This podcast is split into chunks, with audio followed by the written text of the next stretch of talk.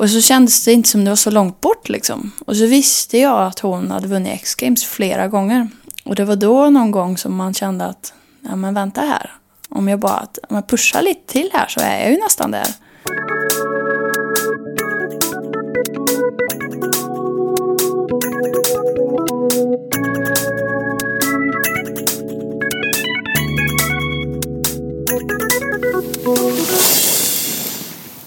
Hej allihopa och välkomna till Freeride-podden, ert avdankade coverband i podcasternas afterski.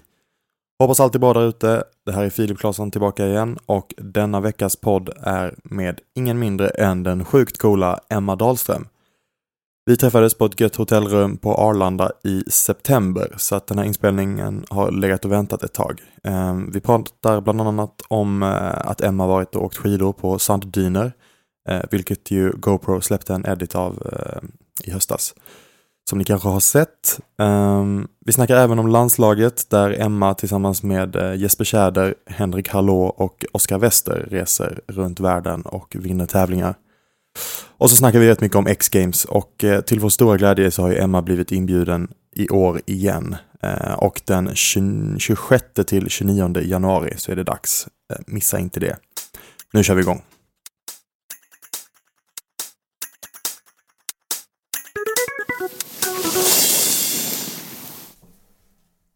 Du får säga till om du har något att dricka eller något. Jag har inte mer än vatten att bjuda på. Men... Mm. Och vi har ju bara ett glas nu också.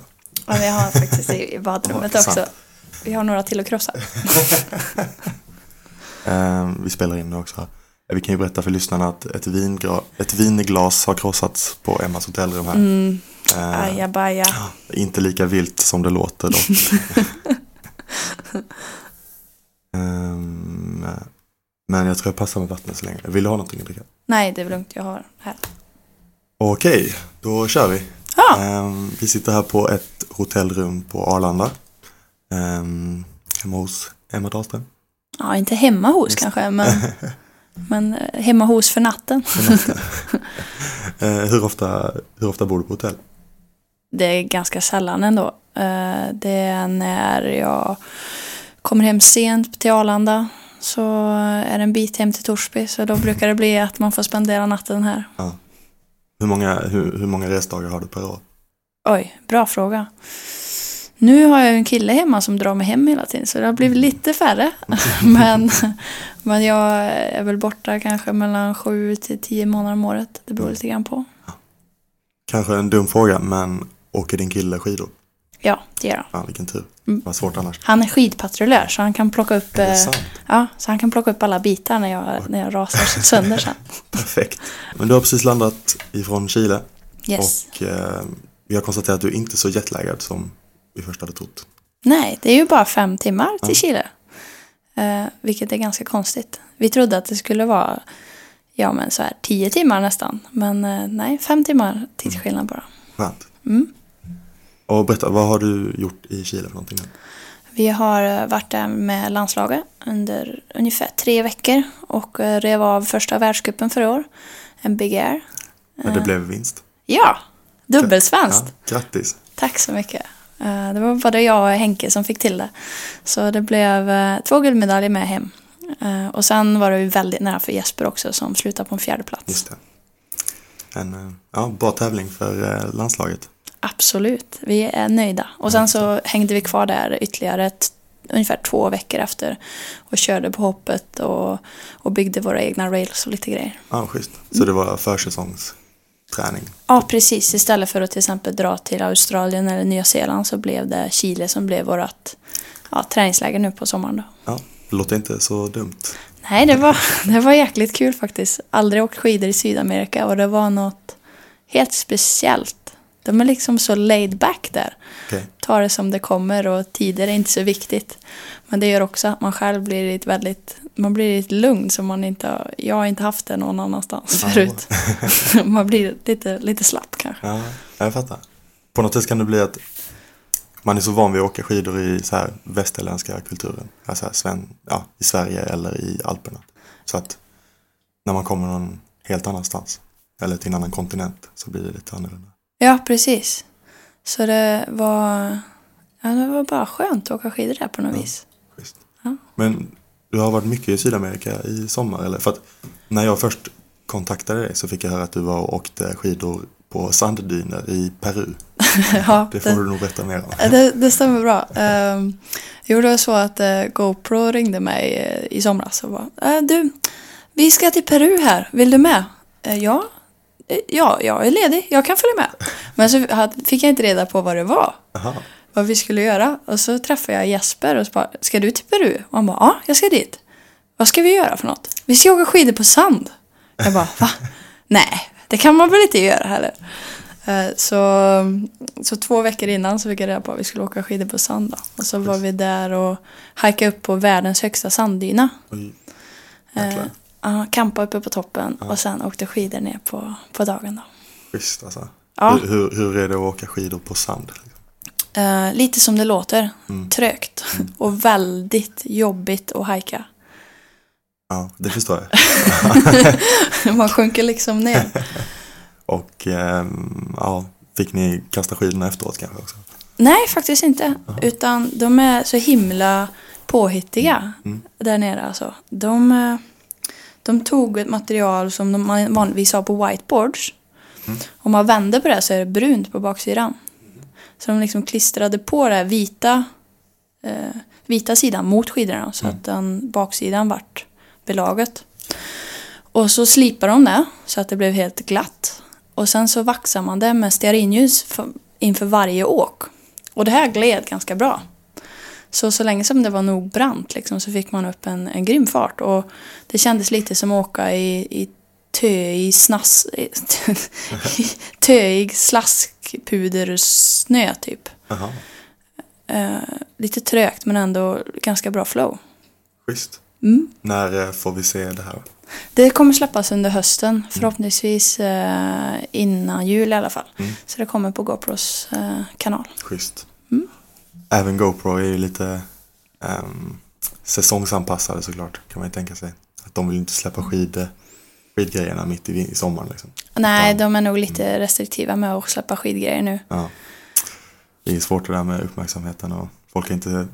Simon sa till mig första gången jag hade möte med honom, han sa att folk är lika intresserade av skidåkning som de är av skidjackor. Att liksom, ja, mitt i sommaren så, så kollar man inte lika mycket. Nej, att, eh, det är väl vi som är extra nördiga som, Exakt, som ja. typ börjar så här få Ja. upp laddet i, så här i juni, juli där någon gång. nu har jag inte åkt skidor på två månader, nu är det dags.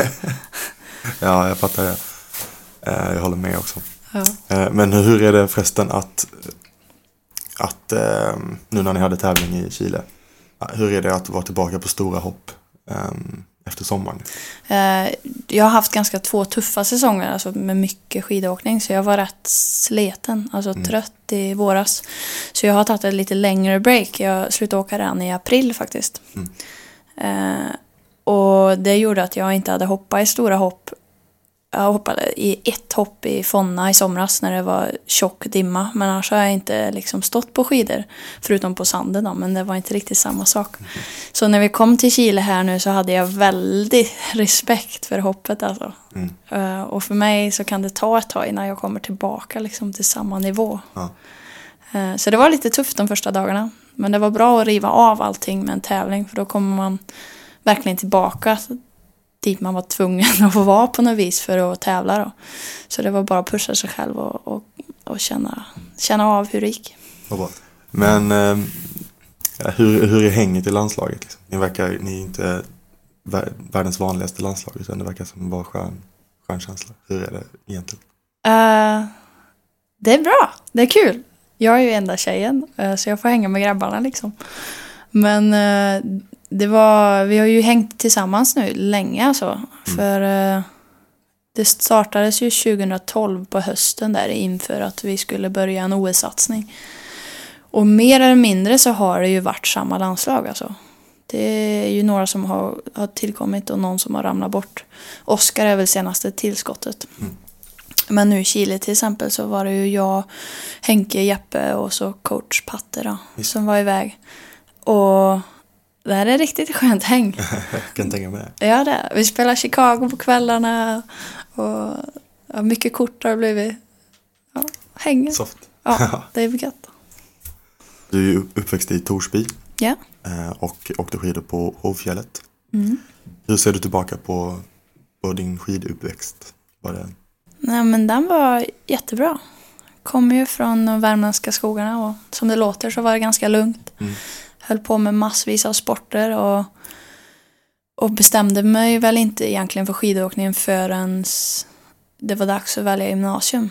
Det var antingen att flytta till Malung och börja på Friar-gymnasiet och bara liksom inrikta sig på skidåkning. Eller hålla kvar alla sporter och göra det lite halvdant och gå på natur i Torsby.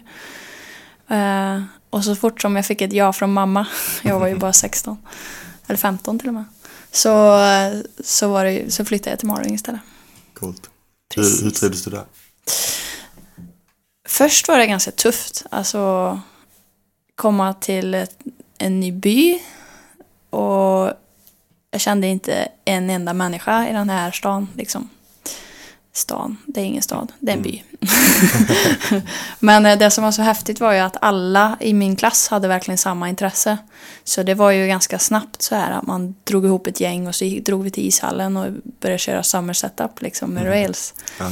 Och det var ju ingenting jag hade gjort hemma så att man drogs ju in i den här kulturen och, och skidhetsen direkt Ja. verkligen. Och sen började man tagga för vinter. Så det var, det var ganska lättsamt ändå. Vad skönt. Mm.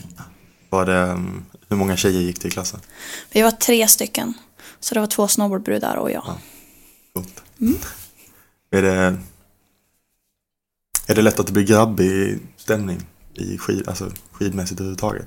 Eh, på så vis att det bara är grabbar, ja. det är mest grabbar. Ja. Men, eh, men nu när jag, jag åker ju ganska mycket med tjejer nu också liksom. Och speciellt när man är ute och tävlar så träffar man ju alla tjejer som är ute och tävlar från olika länder och så. Och vi har en himla god gemenskap alltså så. Nej, jag tycker inte det blir speciellt grabbigt. Det är nog ganska tjejigt faktiskt. Ja, vad bra. ja. För att, för att locka för att locka fler att utöva en sport så är det viktigt att bygga upp så här idolskap till exempel. Mm. Eh, Hur tycker du skidvärlden är på att bygga upp eh, så här kvinnliga idoler? Det, är väl någons, det är väl ändå där det, det som, mycket som krävs för att locka fler tjejer att Ja. Ja, man hoppas ju på att det kommer locka fler tjejer och jag tycker man ser att det är fler som börjar åka och det är jäkligt roligt. Ehm, men det är svårt att se sig själv som en idol på så vis. Men det jag kan tänka är ju att, att vi har fått mer medieutrymme och att sådana här grejer som poddar och så ger en uppmärksamhet och att man därigenom kan sprida sitt budskap då så att hopp, förhoppningsvis fler tar chansen till att börja med skidor. För Ja. det är ju jäkligt roligt alltså. Ja, ja det är verkligen. Ja. Är det svårt att, har du svårt att se dig själv som en idol för andra? ja, det tycker jag faktiskt. Men tror du Ja. inte att du är det då? Jag vet inte, jag försöker vara glad och, och visa att jag gillar det jag håller på med. Men det är svårt att se sig själv som en, sig själv som en idol. Det, det, är, det är väl den där jantelagen kanske. Ja, jag förstår hur du menar. Mm. Men du är säkert en idol för många kan jag tänka mig. Här, när du var, när, säg när du började skidgymnasiet, eh, kunde du drömma om att bli skidproffs då? Liksom? Eller när, när slog det dig att det kanske kunde bli verklighet? Det var nog året innan jag började Malung, alltså på vintersäsongen 2008. Eh, För då så eh, hade landat min första backflip och gjort min första femma och, och lite sådana här saker och kände ändå att oj, ja, jag är ju bäst. Jag är lika duktig som killarna i där jag åkte då. Och sen så, så var det det att jag hade precis börjat kolla på X-Games och så såg jag Kaja Tursky. Hello, I'm Kaja Tursky, I'm 18 year old from Canada, Montreal. Det var den där Salomon-videon som hade kommit upp. Och då gjorde hon, eh, och gjorde någon 720 och, och lite rail trick och, och någon switch 5 eller switch 7 tror jag. Och så kändes det inte som det var så långt bort liksom. Och så visste jag att hon hade vunnit X-Games flera gånger. Och det var då någon gång som man kände att, ja men vänta här. Om jag bara om jag pushar lite till här så är jag ju nästan där. Ja, det börjar komma lite närmare nu. Och när jag började i Malung då så, så var det bara full gas därifrån. Schysst. Mm. Och eh, när var det du började tävla internationellt? Eh, Min första tävling internationellt var då 2010. i, eh, på European Open i Lax. Drog ner och tävlade med Maria Bagga. Mm. Eh, och då lyckades jag vinna kvalet där. Som, eh, och sen tror jag slutade femma i totalen. Och det gjorde sen att jag fick min första stora sponsor som började stötta mig lite grann. Fölkel. Mm. Hur är det att ha sponsorer? Ja, för oss som inte aldrig har haft en sponsor, vad är, vad är det bästa och sämsta med att ha sponsorer? Det bästa är ju att man känner att det är någon som tror på en och någon som är villig och Alltså de vill synas på en och, och vill ha ens produkter. Att de förknippas med en själv. Och det, det gör att man får en liten boost. Men, eh, och det tuffaste är väl kanske att man måste förhålla sig till det och ge tillbaka. Mm. Det är ju inte bara att man får saker liksom, utan man har ju också ett ansvar för att eh, synas nog mycket på media och Mm. tagga dem. Och, och det, det är lite tankeverksamhet. Och sen i vissa kontrakt så står det att man, ja, vissa bilder ska levereras och, Okej. och det dylikt. När GoPro ringer och vill att du ska åka till Peru och åka skidor på en sanddyn, har du möjlighet att säga nej då? Eller är det... Jag tänker klart sanddynsåkning kanske är jättekul, men om du skulle ha något annat. Eh, det som jag kan säga nej, jag, det är klart jag kan säga nej, jag kan alltid säga ifrån. Men eh, det är inte så ofta som man får chansen att åka till Peru och åka på sanddyner. Så, så fort som jag hade mina datum som, så att jag var ledig liksom, så var det självklart att jag skulle åka dit. Ja. Så, så ofta som jag är ledig så tackar jag, tackar jag ja till sådana erbjudanden. Jag förstår det. Vad, vad hade du gjort idag om du inte var, blev skidåkare? Ja, det där är ju en, eh, en dubbelfråga. Om jag fortfarande hade fått åkskidor men inte gjort det på en professionell nivå så tror jag troligtvis hade dragit ner till Alperna och blivit guide eller skidlärare. Det var en dröm som jag haft ända Botox Cosmetic, botulinum toxin A, FDA approved for over 20 years. So, talk to your specialist to see if Botox Cosmetic is right for you. For full prescribing information, including boxed warning, visit BotoxCosmetic.com or call 877-351-0300. Remember to ask for Botox Cosmetic by name. To see for yourself and learn more, visit BotoxCosmetic.com. That's BotoxCosmetic.com.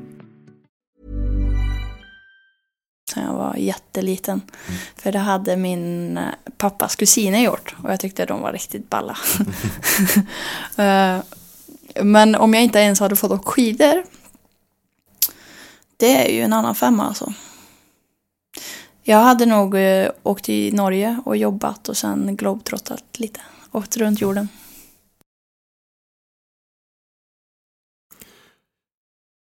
Ja men hej! Ibland så gör man misstag och eh, inför inspelningen av det här avsnittet så eh, var jag kanske lite naiv. Eh, jag spelade upp ett otroligt fett ljudklipp för Emma. Eh, det hade allt amerikanska kommentatorer, railljud i bakgrunden och eh, det speglar Emmas vinnaråk i X-Games 2015. Jag tog lite senare kontakt med det amerikanska tv-bolaget som äger rättigheterna, eh, övertygad om att jag skulle kunna snacka mig fram till en deal.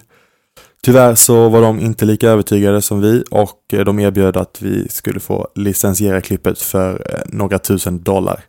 Så nu blev det så här istället. Ni får gå in på Youtube efter avsnittet och eh, se på klippet istället. Det är fett.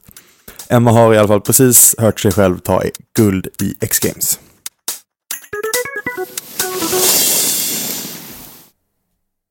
Känner du igen det?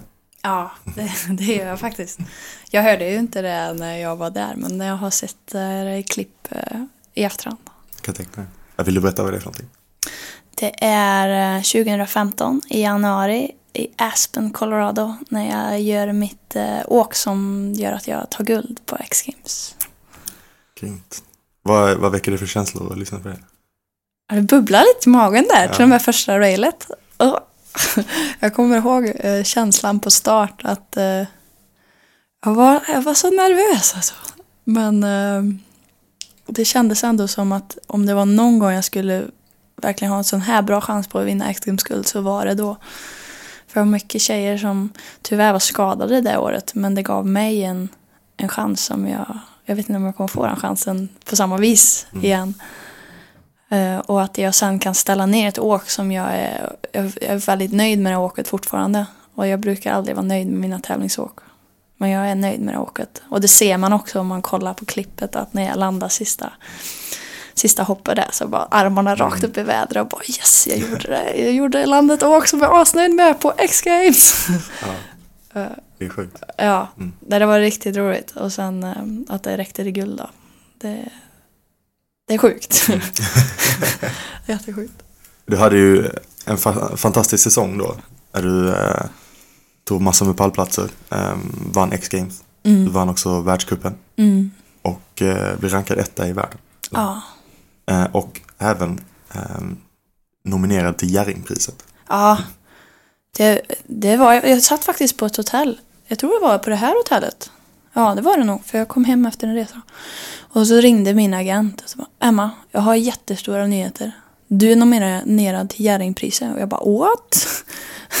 för det är ju sånt man har sett typ ja, Annika Sörenstam bli nominerad till liksom när, när hon var igång. Så man fick vara med på det. Ja, det är fantastiskt. Ja. Hur ser du tillbaka på hela säsongen? Jag kan tänka mig att du måste ha varit i ett flow. Den var ju väldigt speciell hela den säsongen. Den började starkt liksom med att jag kom ut ifrån ett OS och, och kände att åh vad skönt, nu har man ingen press på sig längre. Oh. För att jag, det var ganska tajt att jag lyckades kvala till OS för jag kom tillbaka från en skada. Eh, så jag kom in med ett mindset att eh, nu är det bara att köra utan press. Och jag och Felix Lundin, som säkert många känner till, han och jag gjorde ett projekt som heter All Classmates. Och vi drog igång redan på hösten där. Så jag fick sjukt bra åkning. Och lärde mig jättemycket nytt på rails. Eh, som sen gjorde att, att jag även kunde prestera så bra på X-Games då. Både den tvåan upp och sen switch tvåan som jag gör i det åket är resultat av höstens nötande på rails liksom. Och sen så bara fortsätter det där flowet och jag har aldrig varit så säker på skidåkning innan som jag var då. Och så bara fortsatte det och så gick det jättebra hela tiden. Ja. Så det var, det var väldigt skönt att komma in i så flow. Står det? Ja. Hur, eh, har du några planer inför denna säsongen? På att, liksom, hur, hur försöker du träna för att komma in i samma flow? igen? Jag tyckte att jag behöll samma flow även föregående säsong då. Jag tog ju mycket pallplatser då också och Absolut. körde väl mer på en säker nivå kanske. Jag gamlade inte så mycket förutom på GX Games där jag ramlade. Men eh, i år så har jag haft en lång paus igen nu här i sommar. Men det känns ändå bra alltså. Jag kommer tillbaka rätt snabbt i, i Chile och så länge som jag får mycket skidtid så kommer nog flow att infinna sig här under hösten också. Säkerligen. Ehm, vad har du för mål med den här säsongen? Det är ju den här att det börjar dra ihop sig mot OS. Och eh, då börjar man få lite krav från SOK att eh, man helst ska kvala. Eh, Så prio ett kommer ju vara världscuper. Och försöka kvala in på de slopestyle-tävlingarna som är. Eh, Och vi har, nu måste jag räkna, en i Frankrike och en i Italien som krockar med X-Games. En i Mammoth och en i Quebec och en i Schweiz. Så vi har fem världscuptävlingar som man har chansen på att kvala till OS i år. Då. Och sen kommer kvalet även fortsätta ända fram till OS, så vi har ett halvår till sen att kvala. Men eh, det, är ju, det vore skönt om man får det där understökat och kan leverera något slags bra resultat redan från början. Mm. Så det är väl stora målet. Och sen även försöka prestera bra på de här stora tävlingarna också som X-Games och Dew Tour. Och sen har vi även ett VM i mars Mm. som är i Spanien. Va, hur, hur mycket betyder OS? För att jag menar, man brukar ofta prata om X-Games som väldigt stort samtidigt som OS såklart är superstort. Hur rankar du OS mot X-Games till exempel? Det är egentligen två helt olika saker så jag ska nog sluta att jämföra dem med varandra. X-Games är ju, har ju så mycket historia för vår sport och det är där alla stjärnor har fötts. Och det är så många som kollar på det och alla som gillar vår sport tycker ju det är huvudsaken. Liksom. Men å andra sidan så är det inte så himla rättvist hur det, hur de bjuder in åkare och det är inte alltid jättebra bedömning på X-games. Eh, oftast är det bra, men ibland kan det vara lite sämre. Och det är inte alltid, ja, det är inte det rättvisaste systemet. Och då kan både FIS och OS ge en mer rättvis väg in i vår sport. Så på så vis tycker jag att, att den vägen in kan vara, vara schysstare. Eh, för då går det bara på kvoter på länder och man faktiskt man kvalar in på ett, på ett fair system. Eh, men sen rent tävlingsarrangemang så är ju OS någonting som samlar så mycket olika sporter och man blir så nationalistisk när man är där på något vis. Man, man känner verkligen att det är Sverige man tävlar för. Och att det är så många hemifrån som hejar på en jämfört med X-Games. Så det blir en helt annan känsla. Men båda är jättespeciella för mig. Jag förstår det. Mm. Slopestyle blev ju en OS-gren inför Sochi 2014. Yes. Um, hur upplever du att det har förändrat uh, sporten eller liksom tillvaron för er som utövare? Jag tror att det har gjort att det är fler som vågar ta chansen att tävla faktiskt. Och sen att det har byggt upp att det är, det är massa världscuper runt om i världen under året som är de stora tävlingarna. Men det finns också mycket rankande tävlingar som kommer och bubblar upp underifrån nu också. Eh, du har ju den norska kuppen som, som ger FIS-poäng och den svenska SST-touren ger ju också FIS-poäng. Så jag tycker att det har gett en mervärde att det finns fler tävlingar att delta i överlag.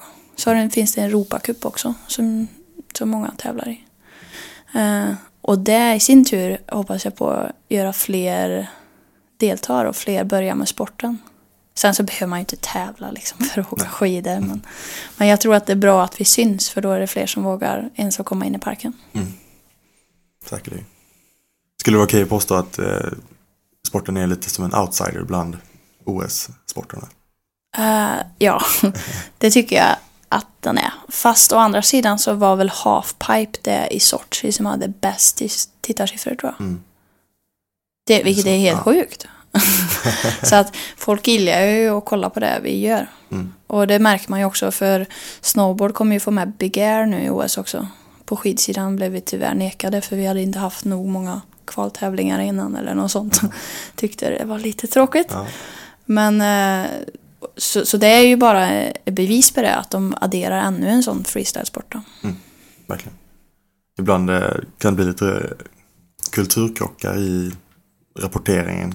Till exempel i din nominering till Jerringpriset i en sån här artikel som jag läste där, så står det I slopestyle åker man med skidor eller snowboard på räcken och gör konster vid olika hopp. ja, vi, vi höll ju på med en ja. slags konstform ändå. det, ja, så det. lite rätt har de. Men, men eh, ja, det är ofta så. Man får förklara sporten väldigt basic. Men det har blivit väldigt bättre sen innan förra OS. Mm. Så nu vet ju, det är ganska många som vet vad jag håller på med nu faktiskt. Mm.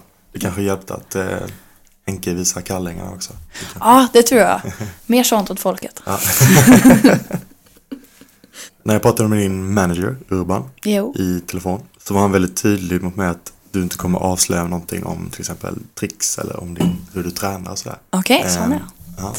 Eh, är det mycket är det mycket hemlighetsmakeri och sådär inför de stora tävlingarna?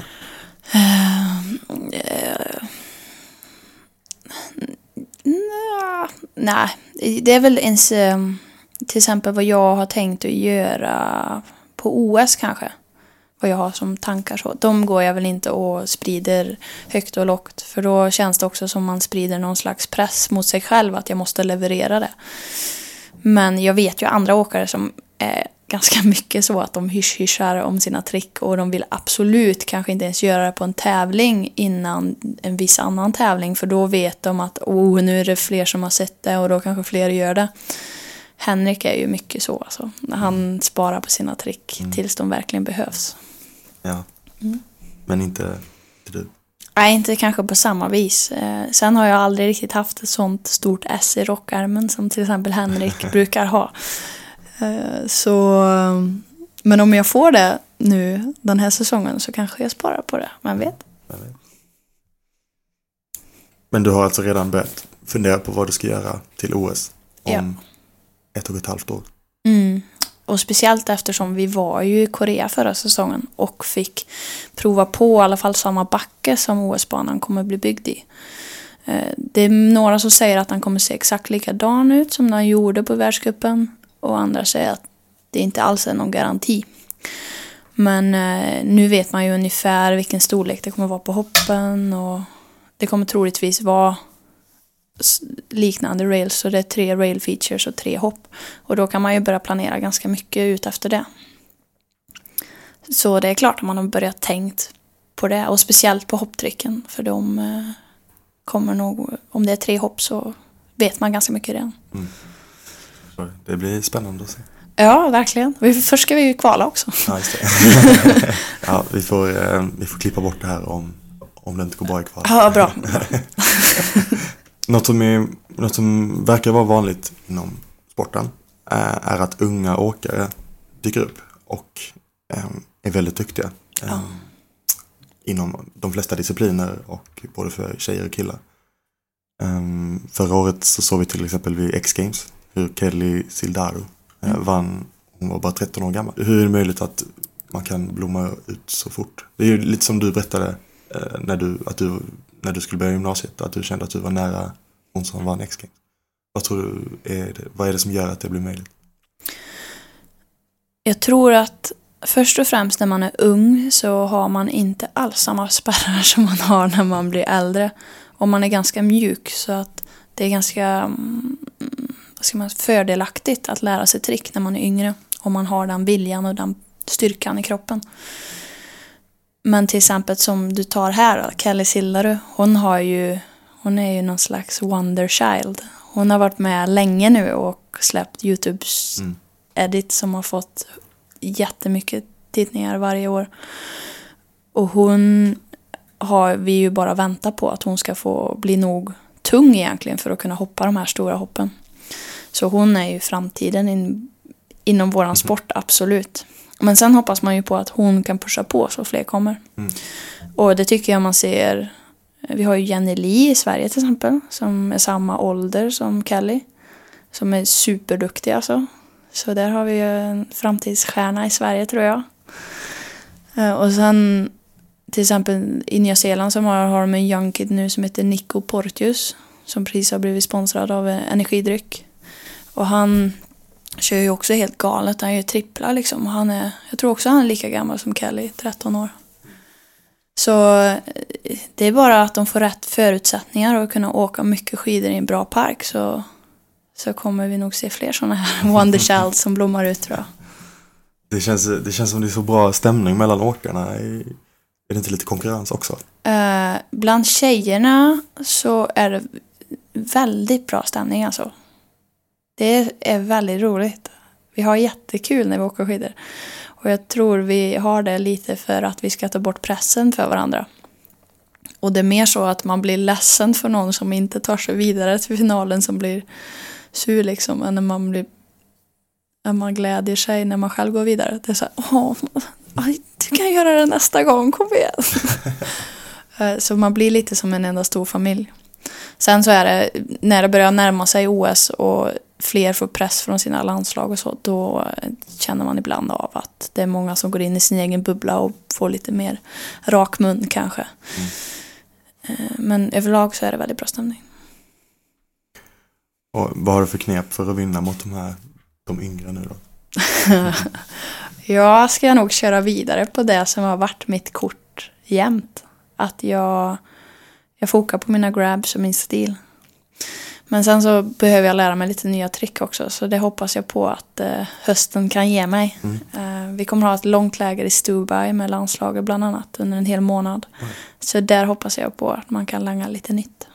Du är ändå en av världens bästa åkare just nu och mitt uppe i din karriär. Eh, Men det kommer ju en tid för alla skidåkare då man inte längre kan eh, resa runt och tävla och leva på det. Har du några tankar på vad som kommer efter tävlingsåkningen? Ja, det är klart att man har börjat tänka på det. Eh, jag är ändå 24 nu och jag kommer köra så länge som det är roligt och min kropp inte säger ifrån allt för mycket. Eh, och jag har varit väldigt... Eh, jag har haft bra tur och lyckats hålla mig skadefri ganska mycket under min karriär också. Som har hjälpt att jag fortfarande känner mig frisk och, och stark liksom. Men eh, det är klart att man börjar tänka på andra saker sen också. Vad som kommer efter skidåkningen. Eh, och det, jag kommer troligtvis börja plugga sen, tror jag. Och kanske varva lite pluggning med och, och köra skidåkning några år till. Och sen får vi se. Schysst. Mm. Vad kommer du plugga för någonting då? Just nu lutar det mot sjukgymnast. Okej. Eh, Men först ska man ta sig in också. Mm, så lite andra saker. Så vi får se. Men jag kommer nog inte börja någonting innan nästa OS i alla fall. Jag hoppas inte. Nej. Du, vi har pratat om att du, om att du reser väldigt mycket och åker skidor. Hur många skiddagar har du per år? Eh, Det brukar variera lite emellan, kommer inte riktigt ihåg, mellan 100 och 180 kanske. Jag kommer inte ihåg. Jag brukar skriva upp det. Jag har en sån eh, kalender där jag skriver alla skiddagar. Mm. Men jag kommer ihåg när jag var i Malung så brukade jag ha 100 per år ungefär. Och nu har jag väl, ja, jag skulle tippa på mellan 120 och 180 per år kanske. När du är ute och åker så mycket och framförallt reser så mycket, blir det påfrestande? Eh, ja, det blir det. Mm, men det är väl någon slags här baksida av myntet som man får tåla lite. För eh, jag är väldigt, jag gör någonting som är få förunnat. Och man ska absolut inte klaga över såna här små saker. Men eh, det är ibland som, som det blir väldigt hektiskt och med mycket tidszoner och, och många tävlingar hit och dit. Och det känns som man flänger ganska mycket. Jag har blivit van att, att leva i resväskan och det är jag fine med. Men ibland så säger eh, kroppen ifrån när den har bytt tidszoner för många gånger och maten har varit lite skev. Då, då kan man bli väldigt trött. Och det var det jag kände av här nu i våras. Att allting var bara lite för mycket så jag behövde ta ett break. Vad- Har du något knep för ja, att bara släppa skidåkningen ett tag? Vad, vad gör du då för någonting om du behöver slappna av? Eh, jag brukar träna mycket, det, det är bra för mig. Både för skidåkningen och för mig själv. Men, eh, och sen så umgås jag mycket med familjen. Och i sommaren så, i sommar så var huvudfaktorn att jag skulle bygga en husbil. Så jag renoverade en gammal, eh, eller gammal, en Volkswagen Transporter. Så byggde vi om den till en bobil, jag och min kille. Så det har varit eh, sommarens projekt. Så jag har varvat det med skidtankar. Visst. Mm. Och så när får man se er tuta omkring i Alperna med den? Ja, det kommer man nog kunna se förhoppningsvis redan i vår. Men eh, den är färdig. Så vi var iväg här i Lofoten i två veckor nu i somras, i augusti. Så ni kan ni spana in på min Instagram eller min blogg så ser ni lite bilder därifrån. Visst. Mm. Är, det så, är det svårt att bygga en, en husbil av? Jaha, det var svårt. För jag är inte så himla händig.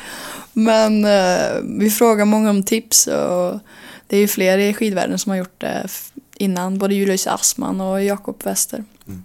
Så jag fick lite tips därifrån och sen eh, en himla massa timmar på YouTube och Google. Så fick vi ihop någonting som liknar en husbil i alla fall. Fantastiskt. Ja.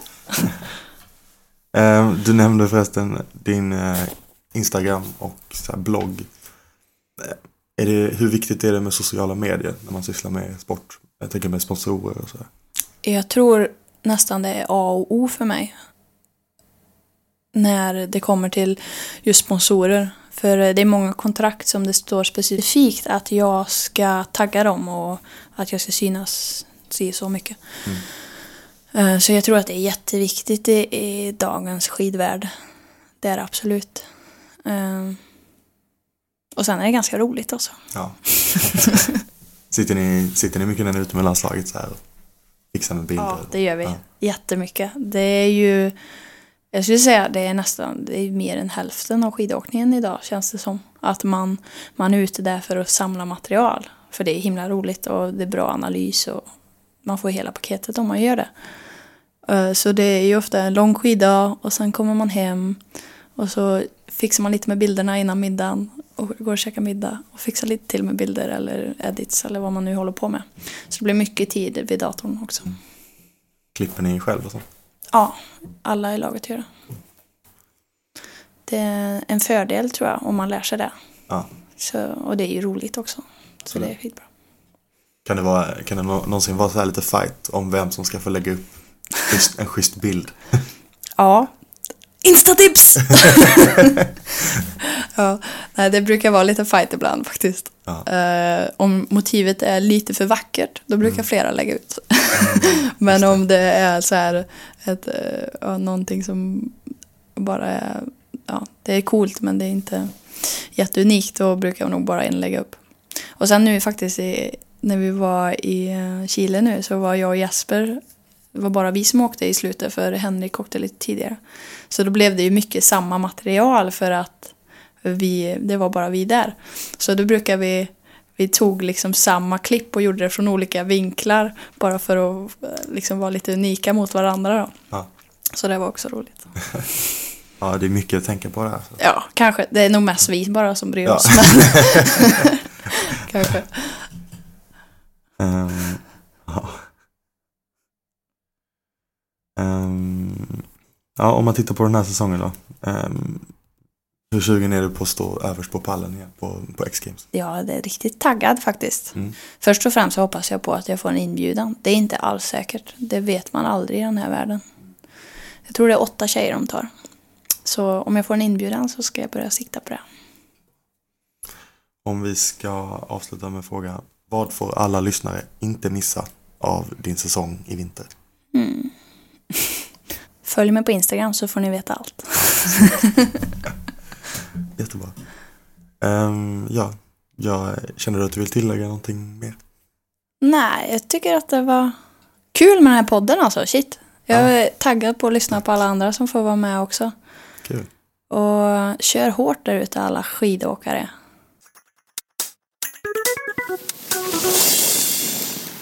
Tack för att ni lyssnade på Freeride-podden där vi träffade Emma Dahlström.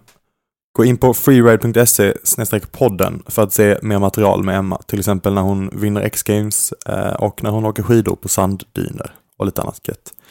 Nästa vecka är vi tillbaka med en ny gäst. Vi hörs då.